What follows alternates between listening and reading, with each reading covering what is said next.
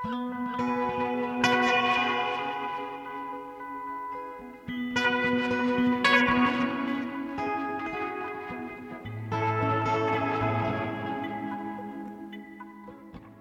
og sæl, kæri hlustendur.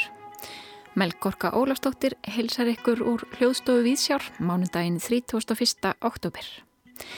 Í þætti dagsins, Keltnesk rekjavaka, síðustu dagar sæjunar, tilnefningar til tónlistavelluna Norðurlandaráðs og ljósagangur. Í dag er rekjavaka, hátíð sem mörg okkar hafa lítið á sem amríska hátíð, en upprunni rekjavöku er í raun keltneskur og rætur hennar ná langt aftur. Háttíðin sem á Ískatungu hétt upphálega Sán markaði mót sumas og vetus á tímum þegar ástíðirnar voru aðeins tvær. Það voru farða fram þakkir fyrir uppskeru og ýmsir andar, liðnir og leiknir fóru á kreik. Forlegafræðingurinn og fréttamaðurinn Þorvaldur Friðriksson gaf nýverið út bókina Keltar, áhrif á íslenska tungu og menningu. Hann kemur hljóðstofu hér eftir og segir okkur nánar af uppbruna rekjavöku og öðrum keltneskum áhrifum. Við fáum líka til okkar nýjan bókaríni en það er íslensku fræðingurinn Sölvi Haldarsson. Hann fjallar í dag um nýja skáldsögu dags Hjertasonar Ljósagang. Og við rínum í norræna tónlist því annað kvöld verður tilkynnt um handhafa tónlistavelluna Norðurlandaráðs árið 2022. Tólf tónverk Norrætna tónskálda eru tilnemt og í ár spannaðu mjög vítt svið tónlistastefna. Þar fer heimstónlist, konseptlist og klassísk tónlist, óperu, ráftónlist og alþýðutónlist. Við kynum okkur tilnefningarnar tólf í tveimur píslum hér í Vísjá og heyrum þann fyrri í síðarluta þáttar. En við byrjum í leikúsinu. Eva Haldóra Guðmundsdóttir fór á frumsýningu á leikverkinu síðustu dagar sæjunar sem frumsýnd var í borgarleikusinu um liðna helgi. Fyrir tæpum tveimur vikum hóf göngu sína útastátturinn Lífið eftir vinnu. Þættirnir fjalla um geðheilbreyði gamals fólks og hvernig eldra fólk á Íslandi hefur það. Svo er raunin að gamalt fólk sem ekki lengur uppfyllir kröfur samfélagsins um framleiðni og virkni er ítt til hliðar. Lífsreynsla þess lítilsmetin og mörg hver gleymast inn á stopnunum. Eins og framkemur í þáttum Guðrunar Haldanardóttur þá er alls ekki gefið að lífið eftir vinnu sé dans á rósum. Þegar ég hlusta á þættina brotnaði þessi mynd mín að þegar ég kemist lags á eftirlaunaaldurinn myndu ferðalög og frelsi ráða ríkjum. Miklu stærri hópur gamals fólks en ég hafiði nokkuð tíman gert með grein fyrir upplifir mikla einangrun og þunglindi. Alls ekki allir kunna við að vera útýst í heterotópíu til þess eins að gleymast. Þau eru öll að kljást við að vera nær þeim ófrávíkjanlegu örlugum að deyja. Þátturinn var mér ofarlegi huga á leðminni að sjá verkið síðustu dagar sæjunar sem frumsýnd var síðastlið förstutaskvöld í borgarleikusinu. Verkið segir frá þeim hjónum Sæjunni og Trausta, leiknum af þeim Guðrún og Gísladóttur og Jóhanni Sigursinni. Þau eru gömul og búa saman á hjúgrunarheimili fyrir aldraða. Trausti er langt leittur af elliglöpum eða jafnvel með Alzheimer. Þau eigða síðustu æfidögum sínum í einu herbergi og Sæjun rivjar upp gamla tíma, gerir drög að erðarskráð þeirra og tekst á við hugmyndina um dauðan. Í fyrstu virðist einungis líkamleg öldrun há sæjunni en smátt og smátt sjá við að hún rík heldur í minningarnar líkt og hún finni á sér að hún muni glata þeim innan skams. Ör sjaldan valsar inn og út sjúkraliði leikin af Snorra Engelbertsinni sem gefur þeim liv og af og til ringir í þau sonur þeirra. En að öðru leiti verðast þau eina á báti. Sæjun rausar fram og tilbaka um hvernig útför hennar eigi að vera veltir sér upp úr áhegjum af sinni þeirra trösta, spáir stöðugt í hvernig aðkoman aðinni muni nú verða þegar hún loks deyr og að hún muni aldrei egnast barnabarn. Í hugasæjunar er tímin naumur. Hún er ósátt við hlutskipti sitt nú þegar komið er að leiða þar lokum og þráir lengri tíma. Hún sættir sig ekki við að ein maður hennar sé búin að glata minningum sínum af lífið þeirra saman og muni sjálfnast hver hún er. Hún er sjálfa hverfa líkt og trösti og sameinlegar minningar þeirra. Höfundur verksins er Mattias Tryggvi Haraldsson og teksti verksins er áhugaverður. Framvinda hans var þó stundum högtandi og stöðunuð í umhverjuslýsingum og aðstæðum. En á öðrum stundum flætti hann heispurslaust á milli upprifjana, ímyndunar og áheikja sæjunar. Í raun veit áhörfundin ekkert hvað er satt og rétt í frásagt sæjunar því sjónarhortnið í verkinu er hennar. Trausti dettur inn og út, endur tekur sömu setningarnar og sögurnar og á erfitt með átt að sig hvað hann er stattur. En sæjun þráir að tilheyra, finna tilgang og vera séð, vera áþreifanlega og skipta máli. Hún er að mörguleiti skrifuð sem klesjukant kona, áhyggjufulla móðurinn sem hengir tilgang sinn á móðurhlutverkið. Endur teknar tilraunar hennar til að rivja upp gömul fjölskyldufrí með manninum sínum sem er þjáður af Alzheimer undirstryka þörfinnar fyrir tengingu. Einni býður það upp á skoplegar en jafnframt mjög sorglegar samræður og afhjópar tilgangsleysi þess að spyrja Alzheimer sjúklingin í sífellu Manstu það? En sæjun lifnar við í tekstanum þegar hún lýsir útfarsinni sem á að vera bálfur að hætti vikinga. Mattias skrifar um dauðan af mikilli virðingu og magnað hvað hann verðist hafa mikið innsæja og tengingu við efniviðin þrátt fyrir ungan aldur. Leikstjórn Önu Þorlustóttur færir frásögnina nær áhárandunum og hvetur okkur til að endurspegla okkur í honum og greinilegt er að leikhópurinn hefur vanda til verka í persónusköpun. Verki er lengi í gang og hreinjandi þess til að byrja með hægur. Það tók mig tíma að kynnast þeim sæinu og trösta og skilja húmórin í skrifu Mattiasar. En brátt fór ég að tengjast verkinu sterkum böndum. Tíminn er áþreifanlegur í verkinu og augnablik virðast oft vara heila eilífð. Án Eva til að áhörandi nái að samsama sig tilveru gamals fólks í einangrunn þess og innmannuleika. Hljóðmynd Þorbjarnar Stengrimssonar og tónlist Gísla Galdurs Þorgerssonar íttu undir upplöfun mína af tímanum og þrátt fyrir að vera minimalísk var hún með sterka nærveru. Ég heyrði tíman líða í takti sem verðist búin til úr klukkutefi eða fingrum að slá takt á borð í byðsal. Minimalísk leikmynd Elínar Hansdóttur og lýsing Palma Jónssonar kallast á við hljóðmyndina og er virkilega áhugavert hvernig þau leika sér með liti. Óræði litablanda minnum hann á sólarupprás, skíma frá tungsljósi og næturhúmi byrtist á binnkvítum veggjum herbergisins. Drömkend myndbönd byrtast svo í bakgrunninum og skapa þau áhrif að engu er líkara en gamlar filmur sé að spilast, en ekkert raunverulegt myndband byrtist. Tómt myndband af hornuminningum eða minningum sem aldrei ná að verða til. Það er gefandi að horfa á þau Guðrúnu og Jóhann leika. Jóhann tólkaði trösta listilega vel og leik sér með að stökka úr gömlum karli sem gengur styrður um sviðið í leitað vasklasi sem hann aldrei finnur. Yfir í góðlátlegan og gladan mann sem revjar upp gamalt jam í mentaskólanum að lögavatni. Þegar sjúkraliðin kom inn með lifin þeirra sá áhrandin að trösti kunni ennþá að spila sumar leikreglur samfélagsins og að vera kurtis. Böð hressilega góðan daginn, tók gladur við livjónum en þegar sjúkraliðin kvarfur auksin var þann aftur stjarfur. Guðrún glætti sæjunni lífi af mikilli orgu. Hún stekaði um sviðið með stöðuar áhyggjur af framtíðinni og í lamandi óta við dauðan. Hún var halvpartinn pirrandi því hún stoppaði aldrei og slakaði á. Það var hlægilegt að horfa á konuna að leika ímyndaða senu af því þegar sjúkrarliðin kæmi aðinni þegar hún var í loksdáin í stað þess að njóta þess að vera lifandi. En þegar hún fer smátt og smátt að sætta sig við að dauðin sé yfirvofandi og ekkert fáið í breytt finnur áhörandin til með henni. Guðrún gefur áhörandunum lúmsk merki um hörnun sæjunar. Eitt slíkt er þegar síminn ringir og þá er eins og hún hafi glemt hvernig á að svara í hann. Guðrún er líka mjög fyndin og er það mikilvægt fyrir þetta erfiða hlutverk að hafa komískar tímasetningar til að draga fram húmórin í tekstanum. Síðustu dagar sæjunar tekst á við erfiða hluti og drömkend sín mín af mér í framtíðinni sem eldri konu uppfullri af visku, reynslu og umfram allt sátt var tálsín eftir að hafa séðverkið. En samt sem áður fann ég fyrir gleði. Ég spurði mig spurninga sem aldrei hafa komið upp í huga minn áður. Er það gefið að með aldrinum komi sátt og sæla? Hvað þarf ég að gera til að ná þessari sátt? Öll þráu við tilgang og tengingu óháð aldri.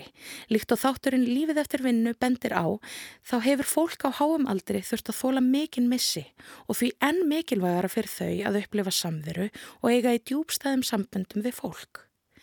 En verki nær líka út fyrir upplifun gamals fólk sem er einangrað því það bendir okkur á hvað verum mörg hver í sjálfskeipaðri einangrun. Verkið krefur áhrandan um að velta fyrir sér hvað það sé sem raunverulega skiptir máli. Hvað er það sem gerur okkar að þeim sem við erum? Og hvað er við án minning okkar, reynsluna sem við höfum sapnað? Það kann að hljóma eins og þreytur frasi en verkið minnir okkur á að njóta augnabliksins. Við erum stöðugt að skipilegja framtíð okkar og gera upp fortíðina því það er leið okkar að hamingjunni, að nautninni, að núinu. En það gerir það ofta verkum að við lifum þar á leiðandi ekki í núinu á neittnátt. Með því að fjalla um dauðan hefur leikópurinn mynd okkur á lífið, því enginn getur dáið án þess að lifa. Dicen que por las noches no más se le iba en puro llorar. Dicen que no comía, no más se le iba en puro tomar. juran que el mismo cielo se estremecía al oír su llanto. Cómo sufría por ella, que hasta en su muerte la fue llamando.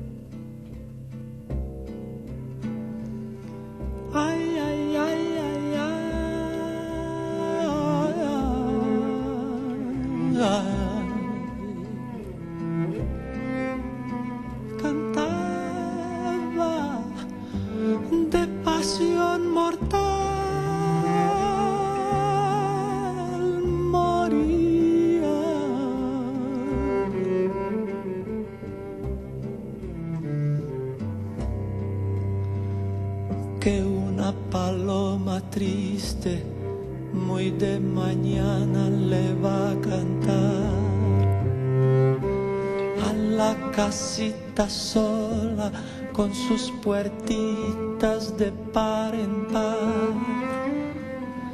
Juran que esa paloma no es otra cosa más que su alma.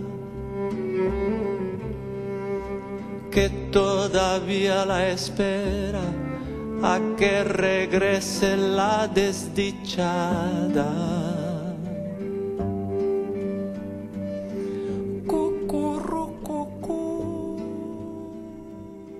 Kúrúkúkú Paloma í flutningi Caetano Veloso undur fagurt lag meksikanska tónskáldsins og söngvarans Tómasar Mendes um hérna Sirkjandi dúfu.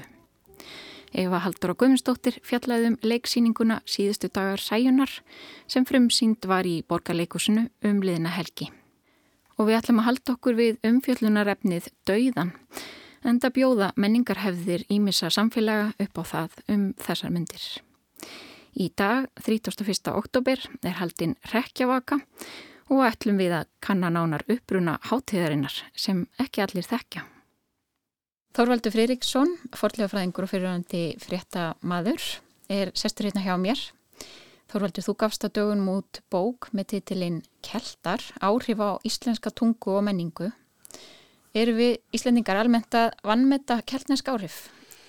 Já, það held ég að sé alveg örugt að segja það en eh, og við þekkjum það enþá tilturlega lítið en þegar tungan er skoðuð og orðin sem við tölum þá kemur ljósað mikið að grundvallar orðum í íslensku hefur aldrei verið til í sænsku, dansku, norsku og kemur frá gelisku tungunni sem töluð var á Írlandi, Skotlandi og Suðurheim á Landansvöld þetta er grundvallar orð, þetta er eins og æska og elli og strákur og stelpa og það má bara nefna tugum saman og hundruðum saman þessi orð. Já, og nú hafa sögum okkar verið viðkvæm fyrir amerískum áhrifum á svona ímsar hefðir sem við kallum íslenskar og Reykjavíka er meðal þeirra sem að fólk telur vera komið frá bandaríkjunum en hún á sér keltnarska rætur. Já, uh, Reykjavíka kemur til bandarækjana með innflytjandum frá Skotlandi og Írlandi og er æfa forn. Þetta er, þetta er missurisháttíð kjelta sem var haldinn 31. oktober en þá líkur sumri og vetur tekur við, það voru bara tvær ástíðar. Þá tekur við sko ríki vetrargeðunar, eh, Kellak, sem á íslensku heitir Kelling, en 31. oktober var háttíð sem heitir Shamain og þá voru miklar visslur og, og stórkostlegar hátíður og menn eh, brendu bál og, og það merkilega við hátíðin og sláturuðu búfjö og hliftu til búfjö þetta var svona uppskjöru hátíð já en, en síðan var þetta eh, svona trúarleg hátíð að þá opnaðust heimar lifandi og döðra menn komust uh, inn í álfhóla og gáttu átt samskipti við yfirskilvillega veður, verur og hinn að dauðu. En það var mjög hættulegu tími, það var mjög hættulegt að vera úti á fáförnum stígum. Og, og þetta nortnastand nortnastand í, í þessum bandarisku og bresku síðum sko, það er, það er út af þessu, það er draugar og fórinir á kreiki og þetta er einstakir tíma til þess að ná í álfa gull og, og, og semja við álfa og þetta er raun og veru sko ársháttið kjelta og siðurnir í þessari háttið færast yfir á okkar, okkar áramót þar að segja alls konar, alls konar hlutir gerast eins og, eins og kýrnar tala og, menn geta haft samband við huldufólk og álfa. Mm -hmm. Þannig að þetta er í rauninni svona áramót Já, Já. Þetta, er, þetta eru áramót mm -hmm. og gríðarlega merkileg eh, sem slík vegna þess að það skýrir svo margt í okkar þjóðsíðum. Eh, það skýrir til dæmis grílu sem er óskýrlegt fyrirbæri að þú skulle vera með grílu og, og jólaköttin eh, tvær ófreskir sem borða börn á jólanum. Það er bara engin, engin þjóð sem hefur þetta og þetta hefur aldrei verið skýrt á Íslandi.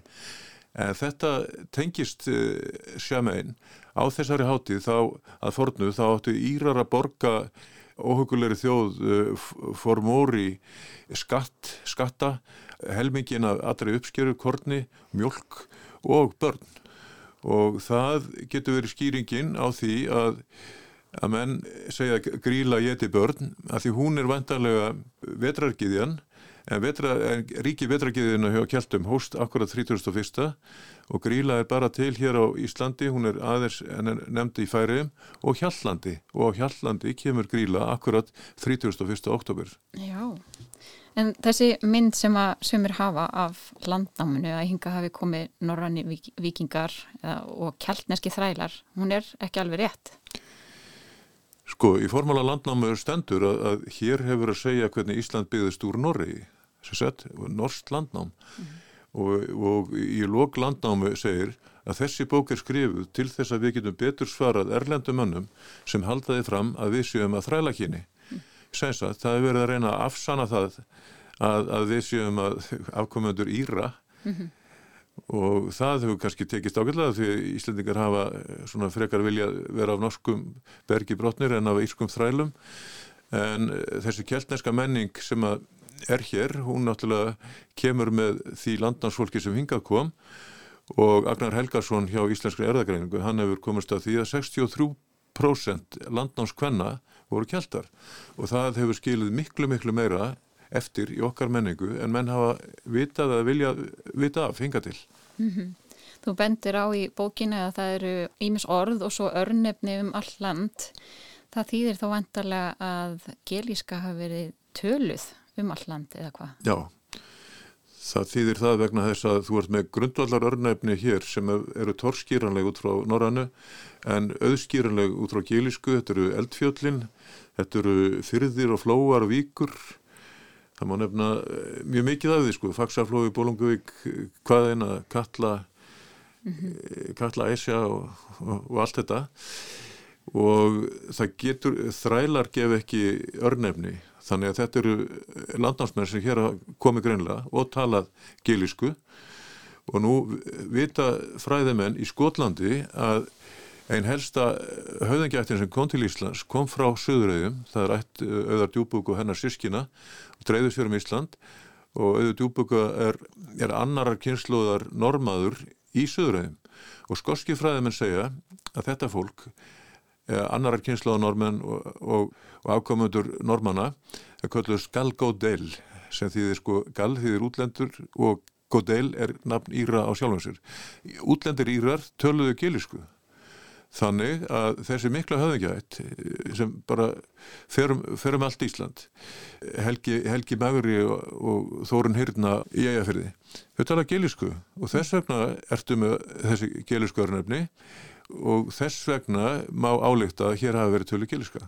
Já, og Rekkjavaka hún hefur færst yfir á, á jólinn eða árumótin hjá okkur og er kannski núna verið að staðsetja hana á réttan tíma ársins en eru ykkur að fleiri hefðir sem að gætu áttu uppruna hjá keltum eða giliskri hefð? Já, það er, það er alls konar tilli, tilli dagar og við getum nefnt í þessu samhengi akkurat að, að það hefur lifað hér, hefur lifað af smávegis í sambandi við þessa miklu hátíð 31. oktober það, það er sviðamessa Sviðamessa, það er hátíð þegar menn borða, borða svið og hún var borðuð sko 31. oktober á þeim svæðum Íslands alveg frá hérarsvötnum vestanvatna í Skagafyrði og ringi, ringin í kringum hérna, Ísland, eh, Vesturlandu og Suðufyrir á þeim svæðum þar sem að keltnesku áhrifinu eru mest, semst í örnefnum og þar sem landnáma talar um keltneska eða kristna landarsmenn. Mm. Þannig en annar staðar þar sem norran áhrif eru meiri þar halda menn upp á sko fyrsta vetradag, það, það munar viku á þessu. Þannig og, og það hefur lifað, skal, skal ég segja þér, mjög merkilegur hlutur. Eh, hæsta fjall eigafjörðar heitir Kjelling og Kjelling er með óverilegt nafn eh, á Íslandi.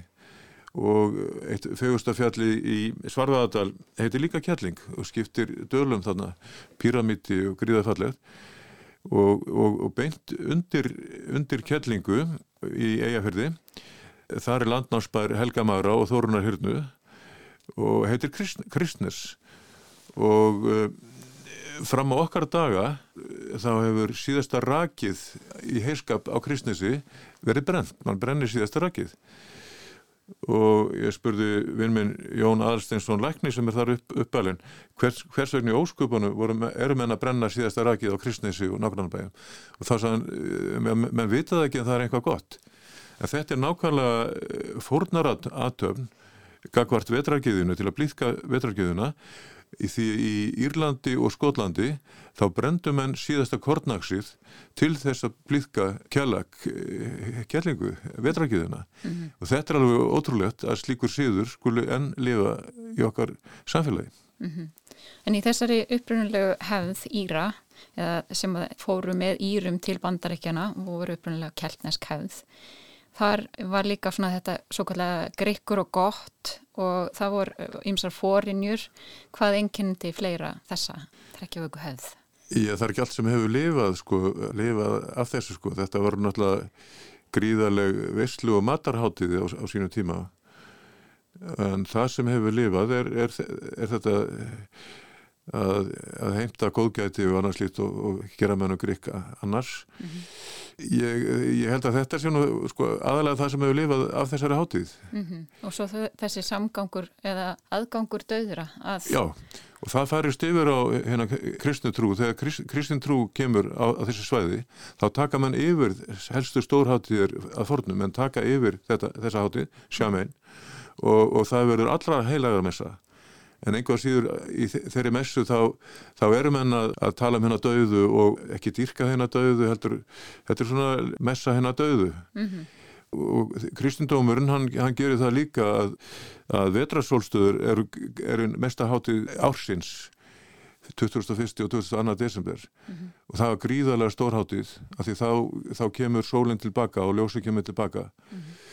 Og, og, og þá þar var skellt sérsagt fæðingadegi Krist nú á, á sumarsólstöðum sem er einni, einni hátíð að það skelltum en á fæðingadegi Jónas Skirra Þannig að menn, þegar, þegar kristni kemur þá taka menn yfir þessar háttíðir vegna sem menn vissu að menn myndi halda upp á uh, þessar stórháttíðir. En, en náttúrulega fæðingardag kristi hefur náttúrulega hnikast til út af, út af breytingum á tímatali og, og slíkt sko. En því held, ég, ég held að bera, bera fagna því að, að þessi, þessi írski og, og skorski síður hafi komið hingað þó, þó við gegnum bandaríkin sé. Mm -hmm. Það er nú, það er nú margur síður þar sem er, sem er ekki ja, merkilegur og, og, þessi. Ummitt. Þannig að við getum fagnat grílu tíð. Já, þetta, þetta er komið tími vetrar kellingarinnar grílu sem getur bönn. Takk einlega fyrir komuna, Þorvaldur Friðriksson. Takk. Við heyrðum af keltneskum uppruna rekjavökunar á samt öðrum áhrifum kelta á Íslandi. Áhuga samir geta nælt sér í bók Þorvaldar sem sögufélagið gaf út nýverið og ber titilinn Kjeltar, áhrif á íslenska tungu og menningu en það er sannlega margt forvittnilegt. Og við höldum okkur á sviði óræðrar tilvistar á mörgum lífs og einhvers annars. Sjáli Haldarsson, nýr bókarínur Víðsjár, teku nú við og fjallar um skáldsögu Dags Hjartarssonar sem ber titilinn Ljósagangur.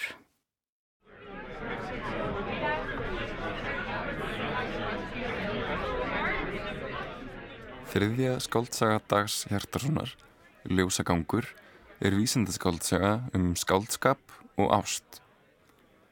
Sagan segir frá ungum manni og konunni sem hann elskar, ástarsambandi þeirra og síðast en ekki síst undarlegu hljóði sem einn daginn byrjar að heyrast í Reykjavík. Framan af sögu liggur ímislegt á huldu um nákvæmt eðli hljóðsins Sögumæðurinn kallar hljóðið nýð aldana og á síðu 16 er því svo líst.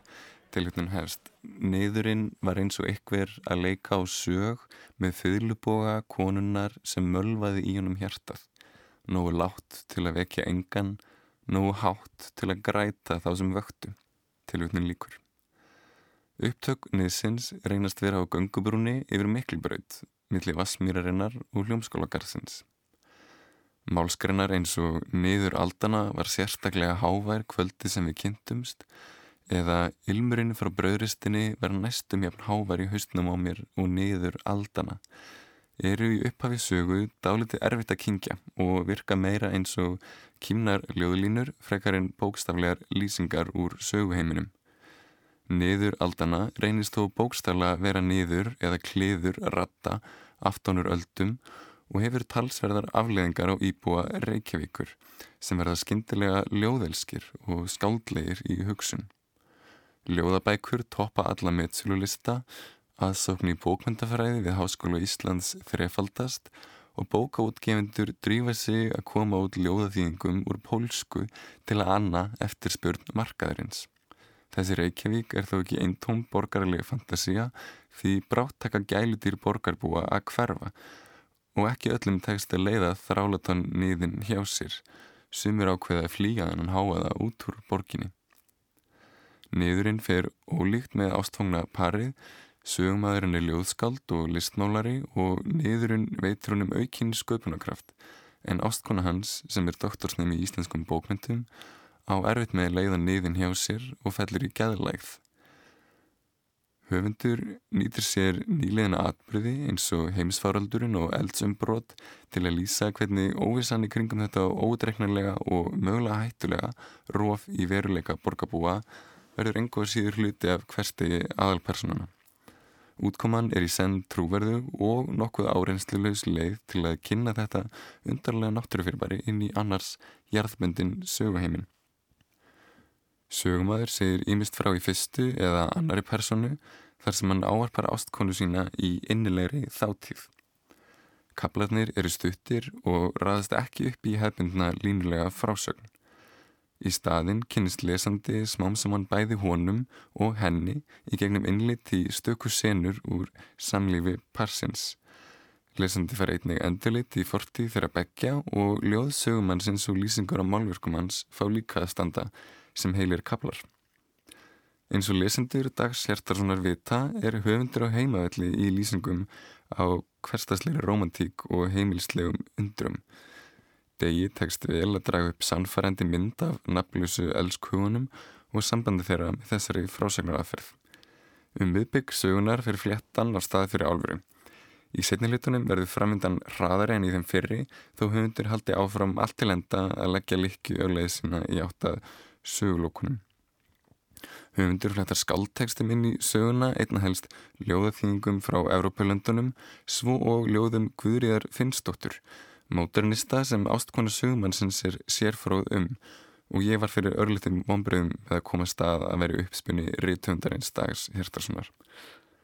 Þessi tekstatengsl falla vel inn í frásögnuna af ljóðskaldinu og bókmyndafræðingnum og koma vel til skila hvernig skaldskapurinn getur jæmt tekið yfir líf, lesanda og höfunda. Sagan er sem fyrr sögði þáttíð og er á stóru leiti ávarp sögumannsins til ástkonisinnar. Fyrir vikið er tekstinn sjálfsmeðutaður og kannski ekki við öðru að búast í skáldsögum ljóðskald í heimi sem verður skindilega afar ljóðræðin. Þessi liðtekstans virkar vel á köplum, heitlar og vekur til umhugsunar en á köplum verður hún líka aðeins of sniðug. Þannig dansar tekstinn á línunni á milli þess sem er frumlegt og lust við klísjur og þess sem er svo nýskapandi og sniðugt að það verður pínlítið groppið.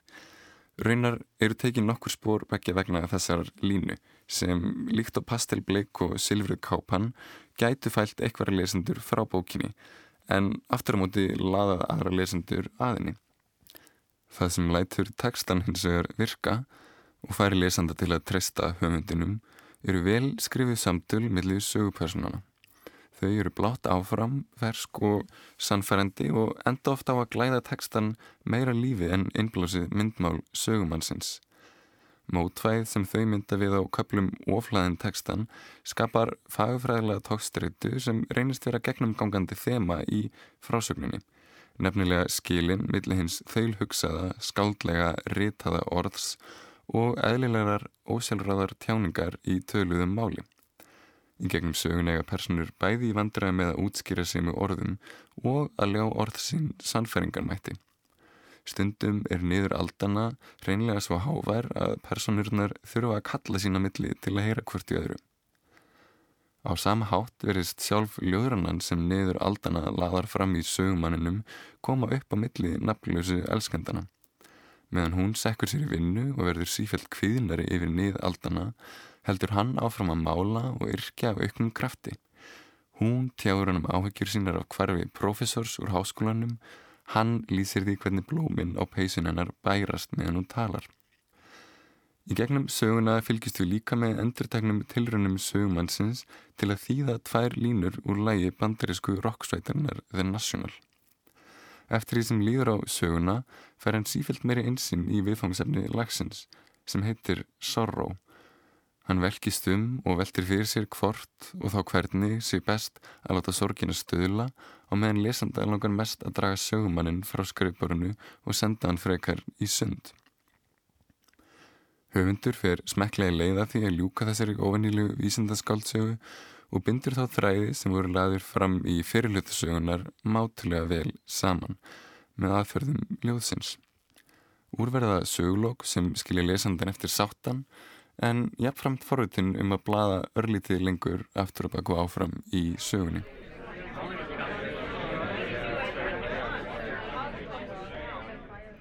Sölvi Haldarsson fjallaði um skáldsöguna Ljósagangur eftir dag Hjartarsson. En þá snúum við okkur að allt öðru. Annað kvöld verður tilkynnt um handhafa tónlistavöluna Norðurlandaráðs árið 2022. Tólf tónverk norrætna tónskálda eru tilnemd og í ár spannaðu mjög vítt svið tónlistastefna. Þar fer heimstónlist, konseptlist og klassísk tónlist, óperu, ráftónlist og alþýðutónlist. Röttin er nokkuð áberandi í háu hlutvalli verka sem samin eru fyrir kóra, söngkópa og einsöngvara og meðal umfjöllunar efna eru framtíð mannkinsins, hamingjan sjálf og ánguruværðin. Verkin eru allt frá því að vera hefðbundin klassísk verk til frekar harðrar ráftónistar og tilraunatónistar. Þar fara einnig tilrunni með síkilda tónlist með allskynns tæknilegum og listrænum útfæslum. Við kynum okkur tilnefningarnar 12 í tveimur píslum hér í Víðsjá í dag og á morgun og hér fer fyrir hluti. Tilnefningar frá Noregi, Finnlandi, Færeum og Íslandi.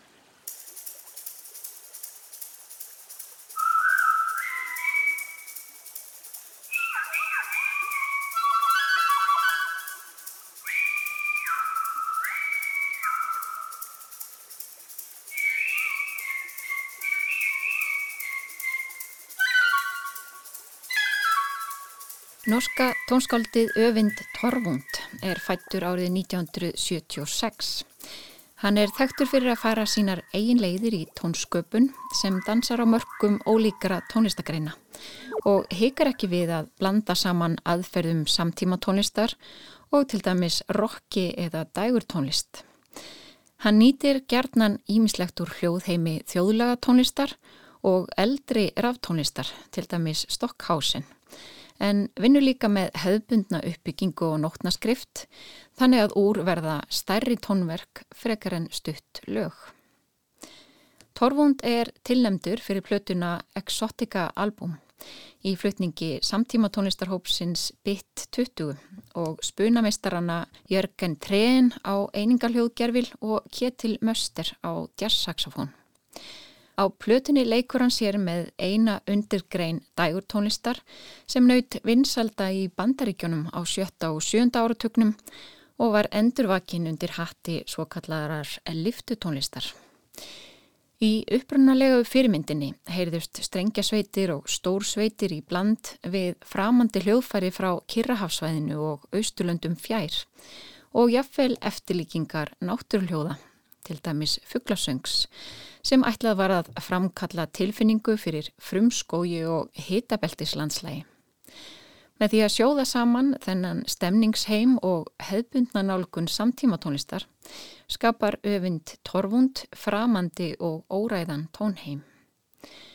Við heyrum hér lagið Ritual 1 af blötunni Exotic Album eftir öfind torfund sem norðmenn tilnefna til tónlistaföluna Norðurlandaráðs í ár.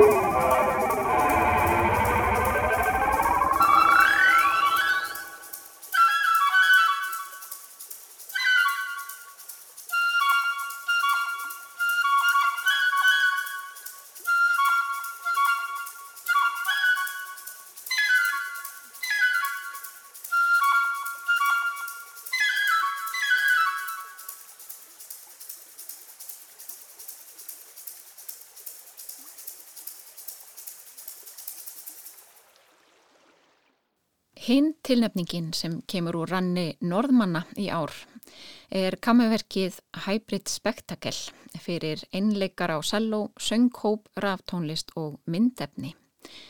Tónskaldið Knút Vóge er fættur árið 1961 og hefur í verkum sínum gjarnan dansað á mörgum spuna og tónsmíða. Hann hefur samið stórar og smærri tónsmíðar allt frá einleiksverkum og upp í symfóníur og óperur.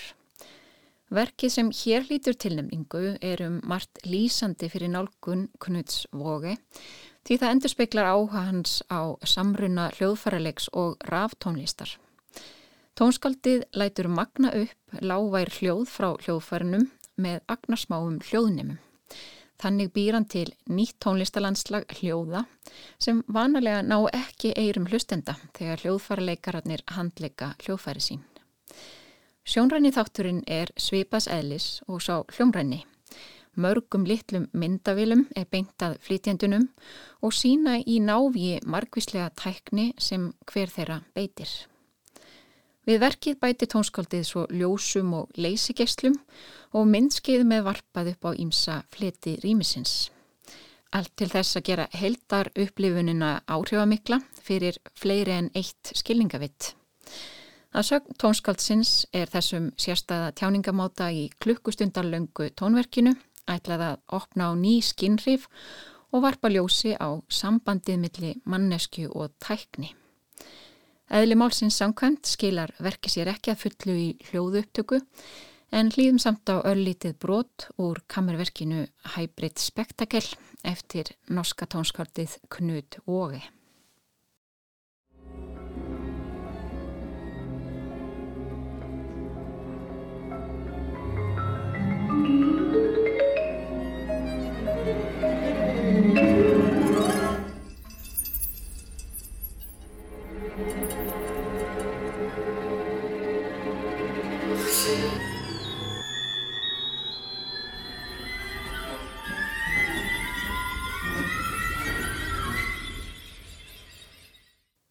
Þá snúum við okkur að tilnefningum frá Finnlandi.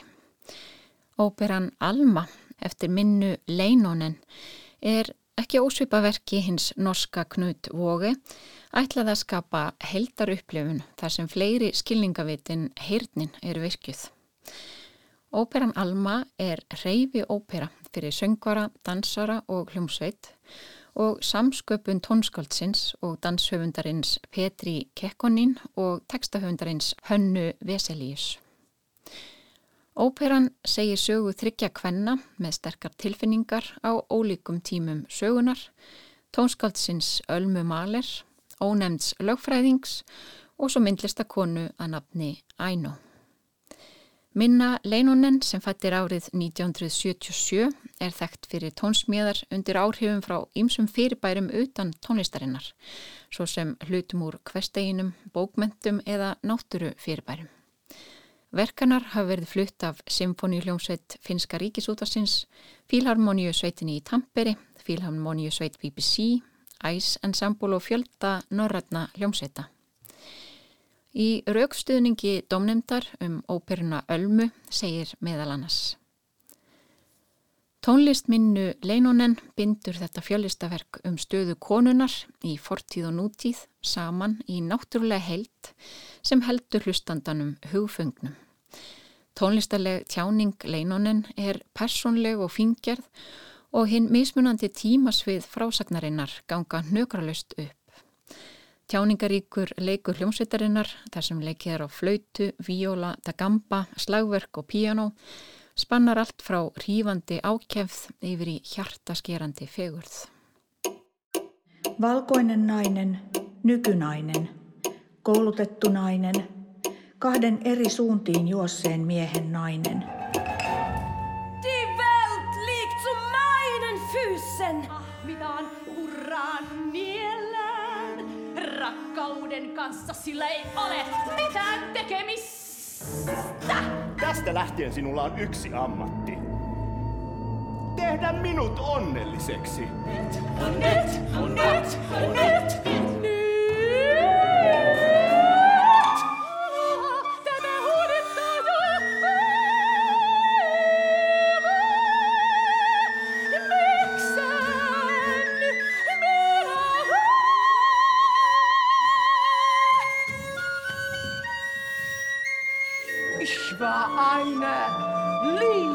mochinha.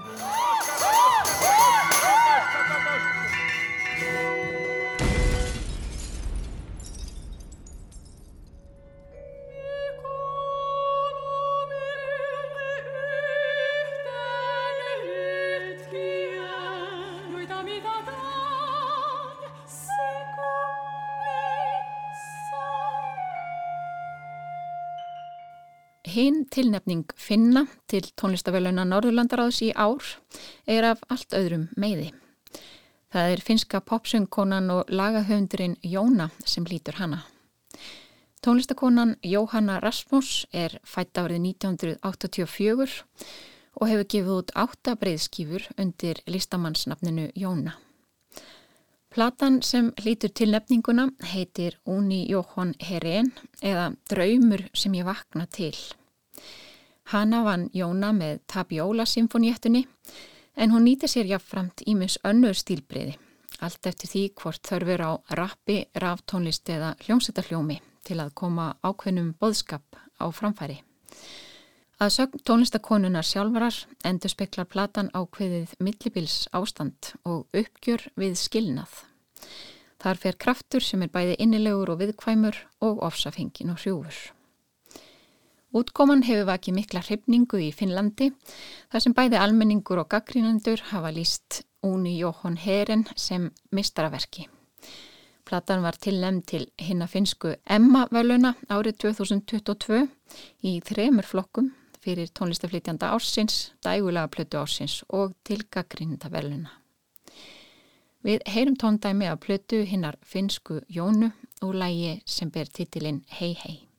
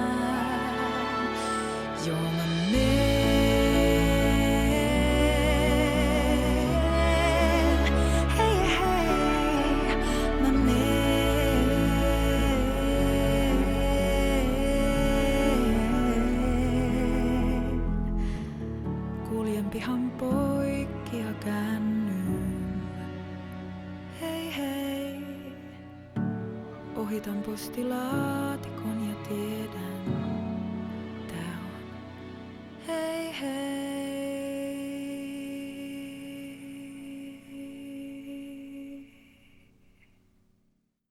Og þá snúum við okkur að einu tilnefningunni frá frændum okkar í Færiðum.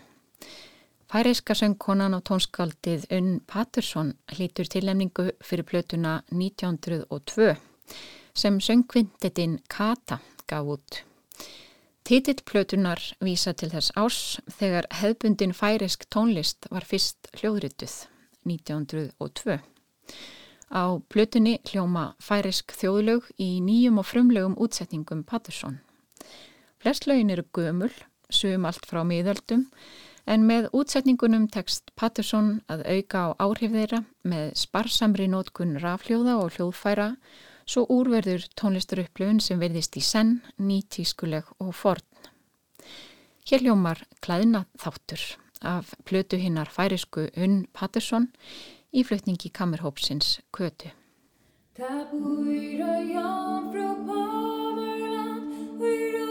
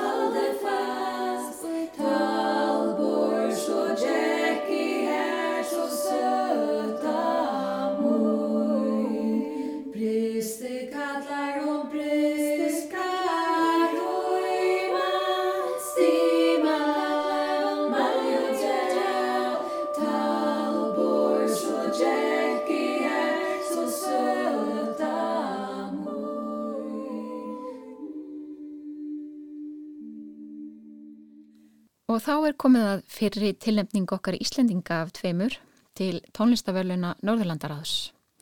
Það er hafnfiska tónlistakonan Sólei Stefansdóttir sem hlýtur hana. Frá árinu 2010 hefur Sólei gefið út tónlist undir eigin nafni í formi smáskífa og breyðskífa. Augðas hefur hún unnið að tónlist og hljóðmyndum fyrir leikús og kvikmyndir, dansverk og stuttmyndir. Mother Melancholia er fjórða breyðskífa Sóleiar og fyrir hana hlýtur hún tilefninguna í ár. Í raukstuðningi domnendar tónlistaföluna Norðurlandaráðs segir meðal annars. Mother Melancholia er nýjasta afur Sólegar Stefansdóttur og þar slæðir við nýjan tón.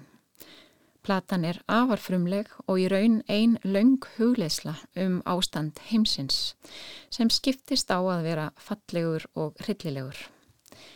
Platan byrjar um morgun og endar um kvöld. Tónlistin flæðir glæsilega í einkennandi kaplaskiptingum þar sem tilrunakend verk sólegar blandast við melodiska og upplýfgandi lagahluta svo úrverður epíst og hugrækt ferðalag. Við ljúkum þessari fyrri yfirferð af tveimur yfir tilhemningar til tónlistavelluna Norðurlandarás með læginu Desert af plötu Sólegar Stefansdóttur, Mother Melancholia.